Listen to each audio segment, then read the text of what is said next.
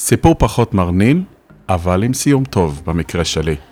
אנחנו הולכים אחורה שנת 2014, אני יושב בספרייה, ספרייה גדולה של איזה 4-5 קומות באוניברסיטה העברית בקמפוס בהר הצופים. זה היה המקום ששם הייתי יושב, לומד, כמה שנים טובות הייתי יושב, לומד שם, נדבר על זה עוד מעט. ופה זה בין הזמנים, אמצע הקיץ, כל הילדים בבית מחכים לאבא לצאת לטיולים, ליהנות, ואבא יושב בספרייה ולומד. זה נראה לי היה קורס, אה, שאני זוכר שתי שמות, שזה נשמע שמות שבאים מהבית מדרש, של טברסקי וכהנמן, על איוריסטיקות. אה, קורס מסובך במיוחד בגלל שזה מדובר בספר ענק עם המון אה, מאמרים באנגלית, שזה מה שאני צריך ללמוד לקראת, ה, לקראת מבחן שאמור להיות בסוף הקיץ. ולקורס הזה הגעתי, אה, או יותר נכון למבחן הזה, אני מגיע בצורה ההפוכה ממה שאנחנו הולכים לדבר היום. אה, ואני כולי מנסה להבין איך אני מגיע למבחן מה כזה. זה אומר אה, הגעת בצורה הפוכה? כלומר, פשוט לא התכוננת? הגעתי בצורה לא מוכנה, ממש ממש לא מוכנה. אני לומד, ופתאום אני מקבל אימייל, ושמחתי, יש לי איזה משהו, הסחה מהלימוד המלאה. והאימייל הזה מגיע מהאוניברסיטה הפתוחה, שם למדתי. ואני מתחיל לקרוא את המייל, ואני קורא אותו שוב, ואני קורא אותו שוב, ואני אומר, לא ייתכן שזה אמיתי.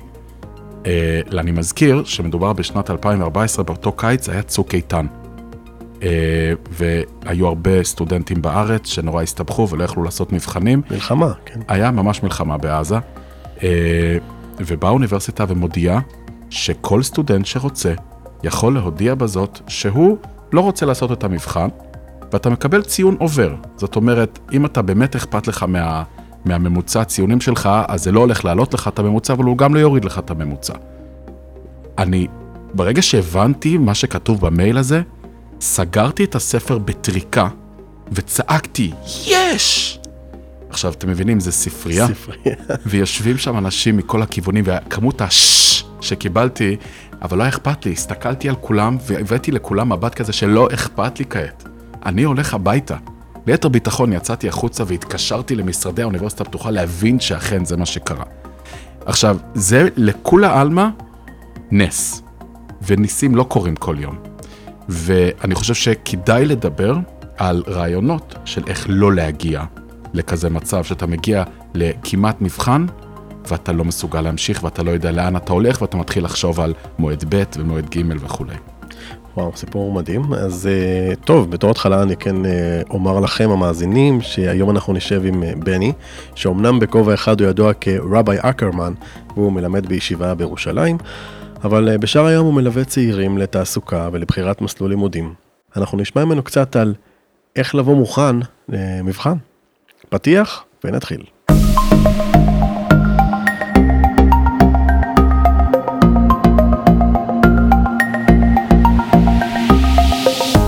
אתם מאזינים לעסוקים. פודקאסט הכישורים של ג'וינט ישראל. אוקיי, אז אה, שלום לכם, אה, שלום לך בני. שלום יעקב. אתה למעשה למדת תואר אה, ראשון בפסיכולוגיה באוניברסיטה הפתוחה, נכון? נכון. וסיימת בהצטיינות. כן, בסדר, אני אומר את זה פה בהצטנעות וקצת בגאווה, אבל כן, במושגים של האוניברסיטה הפתוחה, 90 זה בהחלט ציון יפה, ואחרי עבודה קשה, בהחלט. אוקיי, ואני הייתי רוצה לשאול אותך, אתה יודע, אנחנו, באמת חלקנו, רובנו למדנו בישיבות, ולא באמת עשינו מבחנים ככה מה שנקרא על חומר, מבחנים קשים, במיוחד מבחנים בכתב.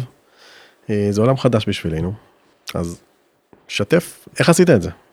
אוקיי, okay, אז אני חושב שכל אחד בעולם, ולא משנה מאיפה הוא מגיע, יסכים שהמושג מבחן הוא דבר מאתגר, גם פיזית, אבל אני חושב שבעיקר מנטלית, אבל כמו שהזכרת, בעיקר אנחנו כבחורי ישיבה, ש... מתי עשינו מבחנים? קצת בחיידר, אולי בישיבה קטנה.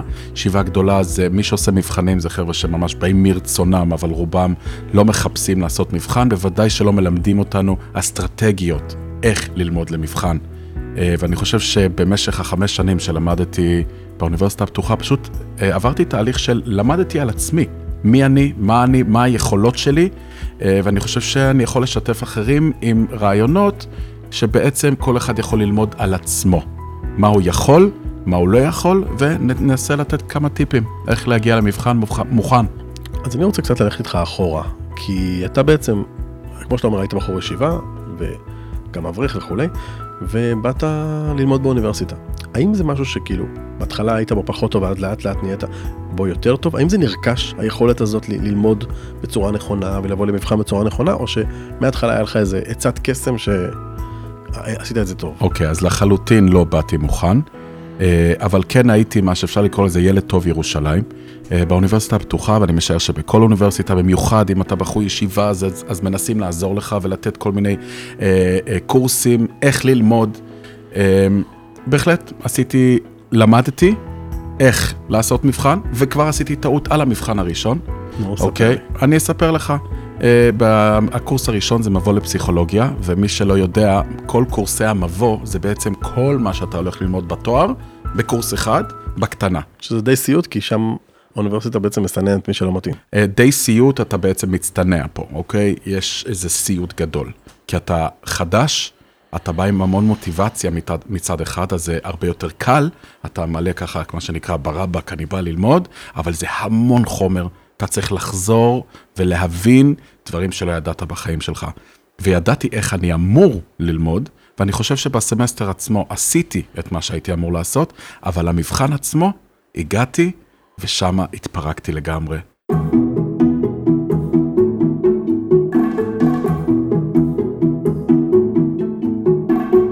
יעקב, אני לא אשכח את זה לעולם ועד. עמדתי, ישבתי במבחן, במבחן של שלוש שעות, אני די ידעתי את החומר, אבל לא חשבנתי נכון, וזה נדבר על זה בהמשך, לא חשבנתי נכון את הזמן, ופתאום השלוש שעות נגמרים, אני כבר בשעתיים ארבעים, שעתיים ארבעים וחמש, והמון שאלות עניתי, בעיקר שאלות אה, אמריקאיות, מה שנקרא, אה, אבל השאלות הפתוחות שהיה לי הרבה מה לכתוב, הגעתי אליהן רק בסוף. והזמן נגמר, ועומדת שם, יושבת שם המשגיחה, אישה מבוגרת נחמדה, ואני מסתכל עליה, לא נעים להגיד, יעקב, כמעט עם דמעות. כאילו, השקעתי בקורס הזה המון, המון, המון זמן, ואני מוצא את עצמי שזהו, אם לא עכשיו, אני פשוט אצטרך לעשות עוד מבחן, אני לא עושה את זה. והיא הרגיעה אותי, אדון אקרמן, תירגע, תירגע, בסדר, אני אתן לך עוד שתי דקות. הם לא יראו, קח עוד שתי דקות. אני, חבל שאין לי את זה שמור, אני התחלתי לקשקש על הדפים מכל הכיוונים, כל מיני מילים כדי שאם יורידו לי בציוד, אני יכול להגיד להם, כתבתי, לא יודע, על הדף כתוב התשובה. כן, זה, זה היה להגיע למבחן, וכמו שאמרתי מקודם, זה הלחץ המנטלי, שאתה, אם אתה לא מגיע מספיק בנשימה עמוקה עם רוגע, אתה מאבד את זה. אז אני כן רוצה קצת, אה, הזכרת שהיה חלק אמריקאי והיה חלק שאלות פתוחות. איך נראה מבחן בגדול קלאס אני מניח שכל מבחן נראה אחרת בכל קורס אבל תן לי איזה מבנה כאילו אתה יודע לצעיר שמגיע והוא רוצה לדמיין בראש מה הולך לראות מולו. אוקיי okay. התשובה היא אין תשובה אה, אחת. ובכל זאת. אוקיי okay, ובכל זאת. אה, ואני אני אקדים אוקיי בכל אה, בכל קורס או בכל תואר או בכל אה, אה, נושא. הכשרה מקצועית אפילו. כל מה שתלמד. יש את מה שהם רוצים לבחון. יש, לכן יהיו מבחנים שיהיו, נגיד, 70% מהציון תהיה על שאלה אחת פתוחה, שמצפים ממך לכתוב 2-3 דפים על איזשהו תיאור מקרה, ואת כל, אתה מוציא את כל הידע שלך, כמעט את כל הקורס אתה מוציא על הנייר הזה ב-2-3 דפים, ואז יוסיפו לך עוד 30 של איזה 5-6 שאלות של הבנה של מושגים או תיאוריות מסוימות. כאשר יכולים להיות מבחנים שהם בדיוק הפוך. שרוב המבחן זה מה שנקרא שאלות אמריקאיות, עם שלוש-ארבע אופציות לכל, לכל שאלה, ואתה צריך לענות, וזה יהיה 80 אחוז, ורק איזה שאלה אחת או שתיים שהם מנסים ככה לראות אם אתה יכול לכתוב ולבטא. אז לכן, לכן אתה חייב להגיע מוכן למבחן. בידיעה איך זה הולך להיראות. ואיך אני יודע דבר כזה מראש? יפה. אז בוא נלך שנייה אחת אחורה על איך לומדים למבחן ואני נותן פה עכשיו משפט שזה לא משנה איזה אוניברסיטה ובאיזה מכללה. ההכנה למבחן מתחילה ביום הראשון של הסמסטר. או יותר נכון, ברגע שאתה מקבל את הספרים ואתה מתחיל לדעת מה אתה הולך ללמוד. כי ללמוד למבחן לא מתחיל שבוע או שבועיים לפני המבחן. ללמוד למבחן מתחיל בתחילת הקורס, בגלל שמתחילת הקורס, מתחילת הקורס אתה מתחיל ללמוד לא בשביל לדעת רק, אתה הולך כדי להוציא את הציון הטוב במבחן. אוקיי? והחזרה למבחן הזאת תהיה קלה בהרבה, בהמון. אם אתה באת והכל כבר כתוב לך במחברות, הכל מוכר לך, הכל קטן עליך, כל מה שאתה צריך לעשות זה להשתמש בכמה אסטרטגיות שתכף נדבר עליהן, ואתה פחות או יותר יכול להגיע רגוע. והלחץ הזה הרבה יותר פשוט. וזה לא פשוט. אני אומר את זה בצורה הכי פשוטה, להתחיל ביום הראשון של הסמסטר, אבל זה לא תמיד כל כך פשוט בגלל שאנחנו לא שמים לב. אתה אומר, אוקיי, מחר, מחר, טוב, יום ראשון הקרוב אני מתחיל, ואז היום ראשון הקרוב, אתה מכיר את העניין של אחרי החגים? אז זהו. זה פה, זה קורה, ולפני שאתה מספיק להגיד, אה, אה, נגמר הסמסטר, אתה כבר מקבל הזמנה למבחן. ופה אתה כבר נכנס לעניין שהוא לא פחות חשוב מלהתכונן לחומר, זה ניהול זמן. כלומר, לנהל את הזמן שלי מתחילת הסמסטר. יעקב, אמרת עכשיו משפט שהוא לא רק לא פחות חשוב, אלא זה הנקודה, הנקודה, אוקיי? ניהול הזמן שלך. סיפרתי לך מקודם על המבחן עצמו, שישבתי מבוא לפסיכולוגיה, שם הייתה התקלה. שלא ניהלתי את המבחן נכון, את הזמן של המבחן, גם ניהול הזמן של כל הסמסטר מהרגע הראשון, אתה מנהל לעצמך את החיים. אוקיי? אז שוב, אני למדתי באוניברסיטה הפתוחה, ששם אתה לומד לבד, והמשמעת עצמית חייבת להיות מאוד מאוד גבוהה, אבל גם בכל מקום שאתה לומד, אתה צריך לדעת, כשבתאריך זה וזה, אני סיימתי את היחידה הזאת, או את הפרק הזה, או את הספר הזה, או כל נושא עליו מדובר. אוקיי? שזה בעיקר הזמן. ואיך אתה ניהלת את הזמן שלך? אוקיי, okay, אז אני נכנסתי לאוניברסיטה uh, הפתוחה בגיל 28, ונכנסתי, זה לא כאילו אתה הולך עכשיו לכיתות, למי שלא יודע, אוניברסיטה פתוחה, אתה מקבל את הספרים, ואתה בעצם לומד לבד. אז uh, אז אני הייתי, לימדתי בישיבה, והיה לי משפחה, כבר היו לי נראה לי חמישה ילדים אז, זה היה חמש שנים מאתגרות מאוד, uh, של כל הזמן ניווט בין עבודה בישיבה, משפחה, והלימודים שלא תמיד זה הסדר, לפעמים יש לפני מבחן, או תקופה עם ממן אה, מסובך שצריך למסור, אז זה יבוא קצת על חשבון המשפחה. שממן, בואו נספר רק למאזינים שלא יודעים. אוקיי. ממן זה מטלת מנחה, זה בעצם נכון. מטלה שעושים אותה, אה, לאורך הקורס יש מטלות, שבעצם מאפשרות לך לדעת שאתה בקצב הנכון, וחייבים לעשות אותם כדי לגשת למבחן. נכון מאוד. אוקיי, אתה מדבר על איזון בית, חיים, לימודים, כלומר, חלק מהניהול הוא לא רק של הזמן, אלא גם של סדרי עדיפויות בזמן. נכון מאוד, וכמובן אתה צריך את הגיבוי, אז אה, אשתי הייתה ממש מאחוריי, ובישיבה ידעו. אה, מה שעשיתי, באוטובוסים הייתי לומד, אני מגיע לישיבה מלמד, מגיע בין הסדרים, בין סדר א' לסדר ב', הישיבה ממוקמת בשכונת בית ישראל, הייתי עולה על קו 19 בצהריים, בסביבות 12 וחצי, נוסע לספרייה באוניברסיטה העברית, יושב שם שעתיים, שלוש, ושם שוב, כמו שאמרתי, זה תהליך שאתה מגלה על עצמך שאתה מסוגל, או מה אתה לא מסוגל. אתה מגלה לעצמך שאוקיי, אני לומד, וכמו שאמרתי על זמנים, אז אני אומר לעצמי, אני לומד עכשיו שעה, ועכשיו גם אם אני יכול להמשיך, אני מפסיק, ואני פותר סודוקו. אני יוצא מהספרייה, מתקשר לבית. אני הולך לאכול משהו, חוזר אחרי שבע דקות, אחרי עשר דקות, ממשיך את הלמידה. זה חלק מניהול הזמן, ולא תאמין איך שזה עובד, זה פשוט עובד, אוקיי? אז אני חושב שאחרי המשפט הקודם שאמרת, זה ניהול הזמן, המשפט השני יהיה משמעת עצמית, שזה לא משנה איפה אתה נמצא, אתה חייב ללמד את עצמך ולראות מה טוב לך ומה לא טוב לך. אני חושב שמבעלי המוסר, אה, אנחנו תמיד יודעים על, כשאתה לומד תורה, לפני שאתה מתחיל, לפני שאתה פותח את הגמרא, קודם כל תטפל בכל הסחות הדעת שיוכלו להיות. שירותים, אוכל, שתייה, טלפונים, היום עם עידן המדיה החברתית, תכבד את הפלאפון, או עושים אותו בצד הפוך. ואתה קובע לעצמך זמן, כרגע שום דבר לא יפריע לי, ואני לומד, וזה עובד. מעניין, וציינת שהיית לומד באוטובוסים, ואיזה נס שלא היה לך אוטו אז. אה, נכון, נכון, לא היה לי אוטו אז, אבל מצד שני יגידו האומרים, אם היה לך אוטו היית מגיע למקומות שאתה צריך להגיע הרבה יותר מהר, ואז היה לך יותר זמן ללמוד, אבל... אנחנו יודעים שזה לא נכון. זה, נכון שזה לא נכון. אוקיי, okay. אז מה יש לנו פה עוד הלאה? אמ, אז סיפרת לנו באמת איך אתה היית לומד למבחן. נכון, אז זה כמובן בזמן הסמסטר עצמו, אה, כל הזמן מסכם. אני הייתי מסכם בתוך הספרים עצמם, ושוב, לא באריכות. יש פה עמוד שקראתי, יצא לי פה תובנה, הבנתי את התיאוריה, ואני אומר שוב, להבין את התיאוריה.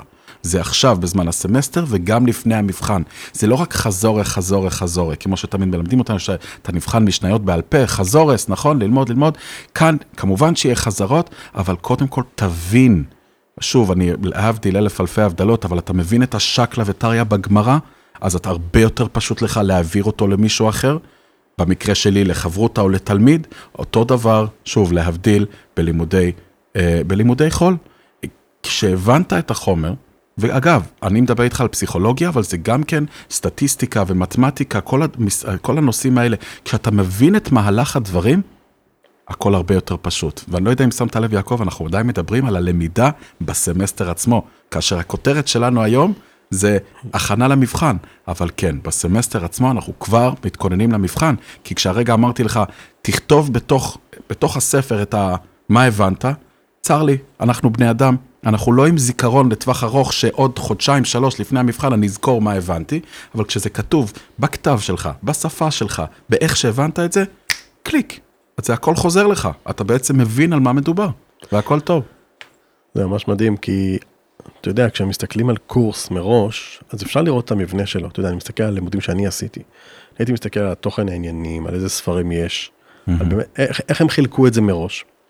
והרבה פעמים יש גם נושאים שאתה יודע, המרצה אומר לך, המרצה אומר לך, בזה יהיה לנו מיקוד, בזה לא יהיה לנו מיקוד, כלומר על זה לא יהיה מבחן, לכן הרבה פעמים כדאי באמת להקשיב. אני מניח שגם בלימודים עצמם הם מדברים כבר מההתחלה על המבחן. נכון, נכון? זה לא רק שאתה עושה לעצמך איזה סימולציה בראש, אני מדמיין שאני מתכונן למבחן. מצוין. וכאן גם חשוב להבחין, אני כן אשתף מהניסיון האישי שלי, למרות שאתה פה כרגע מי שמעניין. Mm-hmm. אני גם למדתי תואר דומה באוניברסיטה הפתוחה, אה, לא כל כך הצלחתי, אבל כשאני רוצה לשים את האצבע על איפה היה לי יותר קל ואיפה היה לי יותר קשה, ושוב, זו חוויה אישית שלי, איפה שהיה צריך ללמוד הרבה מלל וללמוד, אתה יודע, טונות של חומר, של מילים, של ידע, היה לי מאוד קל להתכונן גם במה שנקרא, בדוחס לפני המבחן, שבוע מראש לטחון. אבל יש קורסים שזה פשוט לא עובד. למשל ציינת סטטיסטיקה, כל הדברים של מתמטיקה, כל הדברים שקשורים לתרגול של מיומנות, ולא של ידע כללי. לא עוזר ללמוד לפני, לפני המבחן בכלל, פשוט טכנית לא עוזר. ולכן בסיפור הזה אני חושב ההרגל הוא לתרגל ולתרגל ולתרגל, לעשות את זה עוד פעם ועוד פעם, כדי שברגע המבחן אתה פשוט מתורגל, אתה רואה את השאלה ואתה בדיוק מבין איזה נוסחה או איזה כלי עליך לשלוף בזמן אמת. במקרים האלה, כמו שאתה אה, מספר, זה, אתה יושב במבחן וזה כמעט, זה לא היד שלך, זה הראש שלך פותר כבר. אתה רואה את זה, אתה אומר, קטן עליי, זה זה, אני יודע, פתרתי הרי 20, 30, 40 או 100 כאלה כבר. נכון מאוד. ואמרת עוד דבר שככה תפס לי את האוזן, שבעצם מבחן זה להסביר את החומר למישהו אחר. אתה מסביר אותו לדף, אתה מסביר אותו לבוחן. ואם אנחנו נדע את החומר שאנחנו לומדים גם להסביר אותו למישהו, אז המבחן יהיה הרבה יותר קל, זה בעצם מה שאמרת קודם. ואז אולי כן כדאי ללמוד עם מישהו ולהסביר לו. כן, נראה לי שאומרים את זה בשם אחד מהרבנים של שושלת בריסק, אני חושב, שהוא כמובן, הוא דיבר על גמרא, הוא אמר את זה ביידיש גם כן, אבל הוא אמר, חוסר בהסברה זה חוסר בהבנה. אוקיי? אם קשה לך להסביר, כנראה שאתה לא מבין את זה בעצמך. אני, כ, כמו שאמרת מוקדם יותר, הכובע הראשון שלי אה, אה, מלמד בישיבה, אני לא יכול למסור שיעור לפני שאני יודע שהבנתי את הגמרא בעצמי בצורה הכי טוטאלית שיכולה להיות. מדהים. אני אה, גם, אה, שוב, להבדיל, שוב להבדיל, אתה מצטט את הרבנים מבריסק, ואני גם אה, באחד הקורסים שעשיתי, ב, אני חושב, פסיכולוגיה קוגנטיבית, אז שם דובר על הסבר לאדם אחר כעל תהליך עיבוד עמוק. כלומר, כאשר אני צריך, אם אני שומע משהו ממישהו, בסדר, שמעתי. המוח עשה לזה עיבוד קל, לא בטוח שזה נהיה מוטמע אצלי בזיכרון לטווח ארוך. Mm-hmm. ואז אולי לא בטוח שאני אוכל לשלוף את זה בצורה טובה בזמן המבחן או כדי להסביר. אבל כאשר אני בא להסביר משהו למישהו, או מסכם ואז אני בעצם מסביר לדף, העברתי את זה תהליך עיבוד עומק, וכבר זה קיבל איזה נעיצה בתוך המוח שלי. יפה. אז הבאת לי עכשיו גשר ישיר לסוף הסמסטר, איך אנחנו מתאמנים למבחן, איך אנחנו חוזרים למבחן. יעקב, בדיוק מה שאמרת עכשיו, זה אחד האסטרטגיות. ואנחנו ננסה למצוא אסטרטגיות, וחשוב מאוד, אה, אם המאזינים שמו לב, אני אמרתי משהו אחד, ואתה אמרת משהו שני, שלא בטוח שמה שעוזר לך יעזור לי, ולא בטוח מה שיעזור לי יעזור לך, ולכן אני חוזר למה שאמרתי בתחילת הפודקאסט הזה. כל אחד חייב ללמוד על עצמו מהם האסטרטגיות שטובות בשבילו. זאת אומרת, אתם יכולים לשמוע המון עצות, המון רעיונות, שחלקם יעבדו, וחלקם בשבילכם, לאישיות שלכם, לתכונות שלכם, לא משנה מה, זה לא יעבוד. אתה צריך להכיר את עצמך קודם כל. ממש ככה. לדעת מה, מה לך עושה נכון, טוב. ויכול להיות שיהיו טעיות, בהחלט. ואם אוקיי. הייתי רוצה, ככה, אתה יודע, לסיום, אנחנו לקראת סיום, אה, והייתי רוצה לשאול אותך, מהניסיון שלך, מה היית מציע לסטודנט צעיר שרוצה לדעת איך להתכונן כמו שצריך למבחן? אמרנו כאן כל מיני סוגי עצות, אמרנו מה שנכון לו, לא נכון לו, מה שנכון לי, לא נכון לך, אבל אני חושב שאם ניתן פה איזה רשימה ככה, ממוקדת, אז כל אחד יוכל לבחור מתוך הרשימה את מה שמתאים לו. אוקיי, מצוין. אה, אז כבר דיברנו מוקדם יותר על תכנון זמנים. דיברנו על משמעת עצמית, אוקיי? אני רוצה שכן תסביר על משפט על כל אחד. אוקיי, ככה כסיכום. אוקיי, תכנון זמנים, אתה חייב לסדר זמנים קבועים, לסדר מראש מה אני חייב להספיק לדעת עד תאריך X או עד שעה X, זה לא משנה אם זה בעניין של ימים או עניין של שעות, אוקיי? לדוגמה, כל יום פרק, כל יום חלק, כל יום יחידה, אתה חייב להיות מתוכנן מראש. אתה יודע מה תאריך המבחן, אז אתה אומר, עד יום לפני המבחן אני כבר מספיק את כל החלקים, ואתה מגיע הרבה יותר רגוע. מספר 2, משמעת עצמית. אוקיי? זאת אומרת, כשאתה בא ללמוד, אל תהיה רעב, אל תהיה צמא, אל תצטרך לשירותים, תמנע כל הסחת דעת, ופשוט ללמוד רצוף, אבל, ואני הולך לחלק השלישי, כן להסיח את הדעת בזמן ההפסקות, שוב, הזמנות שאתה, אה, הפסקות שאתה קבעת מראש, אוקיי? עכשיו בוא נדבר על המבחן עצמו, שיש לנו גם כן כמה טיפים חשובים מאוד. תכיר את המבחן. אוקיי? יעקב, אני הייתי באוניברסיטה הפתוחה, אני לא זוכר את המספר, לדעתי עשיתי איזה 22, אולי אפילו 25 מבחנים. 25 מבחנים? זה לא משנה. העיקר אוקיי. שעשית נראה לי ועברת בהצטיינות. יפה, אוקיי. אמ, באמת, מאחורי המבחנים האלו עומדים בני אדם. עומדת רכזת או רכז הקורס, שחשוב לו או לה דברים מאוד ספציפיים מהמבחן, אוקיי? אז לכן, יש מבחנים שבמשך הסמסטר תקשיב למרצה או למרצה או למנחה, לא משנה מה זה, ותשמע, תבינו מה חשוב באמת בקורס הזה ומה קצת פחות חשוב. זאת אומרת, לא לדלג נושאים. בחזרה למבחן לא לדלג נושאים ולהגיד, אה, זה פחות חשוב. תלמדו הכל, כי לפעמים יש, אתה מגיע למבחן ואתה חושב שהנושא שהיה פחות חשוב, יש שם שאלה מאוד קלה, אבל אתה לא למדת את זה בכלל, וחבל, היית משקיע בזה חמש דקות. אז לשים אוקיי. לב לדגשים שעוברים נכון. במהלך הקורס. ובדרך כלל המנחים או המרצים מדגישים את זה, אוקיי? אני יכול להגיד לך על קורס ספציפי, שאמרו לנו במפורש, לכתוב פתיח. אוקיי? היה שאלה שהייתה מאוד מאוד uh, חשובה לתוך ה... במבחן הזה, נגיד 24 נקודות. הם אומרים, תכתבו פתיח, תכתבו גוף ותכתבו סיום. והיה קורס אחר, שהוא היה קורס שהיינו קוראים לו במרכאות קורס אכזרי במיוחד, ששם המבחן היה הוגן, אבל הוא היה מאוד מאוד קשה. לא בגלל שהחומר היה קשה, אלא בגלל שאנחנו היינו צריכים פחות או יותר לנחש מה רוצים מאיתנו, ושם הורידו לאנשים ציון כי הם עושים פתיחה. למה אתה סתם מעריך? אנחנו רק רוצים לראות שאתה הבנת את החומר. תגידו לא פייר? זה כן פייר. למה? הקורס. כי ידעת את זה מראש. אומרים לכם מראש מה לעשות ומה לא לעשות. יפה, אז אוקיי. להכיר את המבחן, מה יפה. רוצים. יפה. דבר אז נוסף, אוקיי. עוד דבר, דיברנו מקודם על הבנה. תבין על מה מדובר, ואז יותר קל לחזור על כל הדברים. לא כמו תוכי, אתה אומר. ממש כך, נכון. ועכשיו, אה, אני רוצה לדבר איתך על משהו מאוד חשוב, שכמו שאמרנו מקודם, שזה, יש הבדלים בני, בין בני אדם, אבל אצל כולם זה ככה. כדי שדברים ייכנסו לנו לראש מבחינת זיכרון, החזרה צריכה להיות אקטיבית. ובאקטיבית יש כל מיני סוגים, אני אספר לך מה אני הייתי עושה. אני הייתי עומד באוניברסיטה העברית שם, בהר הצופים, בספרייה, ופשוט הולך הלוך חזור. לומד משהו, עומד ליד החלון, רואה את החומר שאני צריך לדעת, מחזיק את זה ביד הפוך ומתחיל ללכת הלוך חזור ולשנן את זה בראש. לפעמים ממש לומר את זה במילים, וזה נכנס לראש, ואתה עושה עוד חזרה ועוד חזרה, בסוף זה נכנס לראש. כמו שאמרתי מוקדם יותר, עם הלמידה האקטיבית הזאת, אבל לא לוותר על נושאים. אנחנו לא יודעים בדיוק, אף אחד לא סיפר לנו בדיוק מה הולכים לשאול ומה לא הולכים לשאול. והדבר, אחד הדברים הכי חשובים, לעשות סימולציות של המבחן. שוב, דיברנו על זה מוקדם יותר, על הלחץ הפנימי, הלחץ המנטלי שיש לנו כשאנחנו באים למבחן, אבל אם אתה בא למבחן, אתה רואה את הנייר, ואתה אומר, הא, כבר הייתי 4, 5, 6 כאלה, פתרתי אותם, קיבלתי כבר מאנשים אחרים מסמסטרים קודמים, מצאתי באינטרנט, קטן עליי, אני פשוט פותר את זה, אוקיי? ואחד הדברים המאוד חשובים שאני חייב לומר לך, יעקב, וזה מה שהיה הטעות שלי במבחן הראשון שעשיתי. קיבלת מבחן, אתה יושב, אתה מקבל את השאלון, תשים את העיפרון בצד, לא לענות. תעבור על כל המבחן עכשיו, בחמש, עשר דקות הראשונות. תעבור על הכל. תסתכל מה יש לך, תסתכל כבר, תדע מראש, מצד אחד אתה תירגע יותר, כי אתה אומר, וואו, זה אני יודע, זה אני יודע, אה, אז איך כת... וגם אתה תדע מה, יהיה לך, מה ייקח לך יותר זמן. אז חמש, עשר דקות ראשונים עוברים על המבחן. חשוב גם... לזכור גם עוד דבר, שהמוח שלנו בעצם מתחיל לפתור את המבחן כבר בתת מודע נכון בראש. מאוד. קראנו את כל השאלות, הוא כבר מתחיל להכין את התשובות בלי שאנחנו שמים לב. וכשאתה כותב, את, את מגיע לשאלה, כבר המוח מכין את התשובה. נכון, נכון.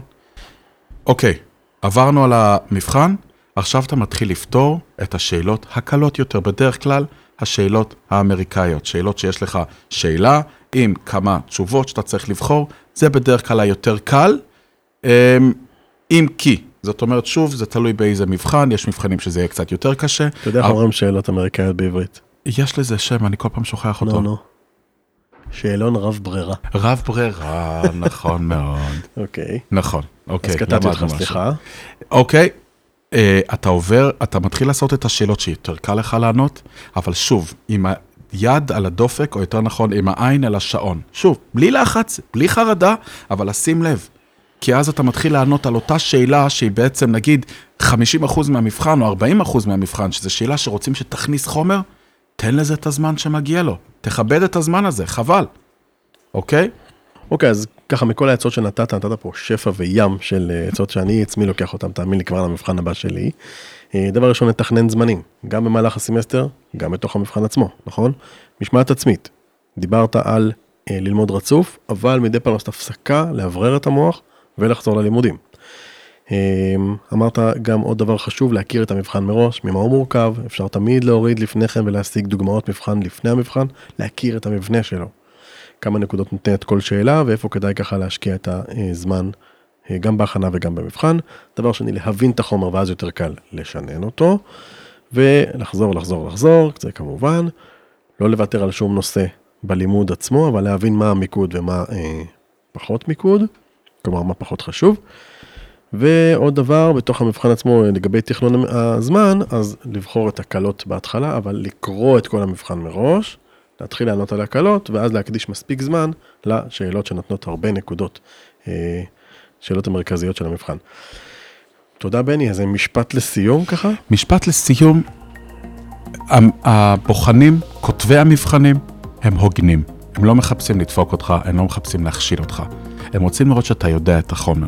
אז אם התחלת את הלמידה שלך מהיום הראשון של הסמסטר, היית אקטיבי בלמידה, היית אקטיבי בכיתה, אתה מקבל הרבה ידע מאנשים על איך המבחן הולך להיראות, הכל יהיה הרבה יותר קל.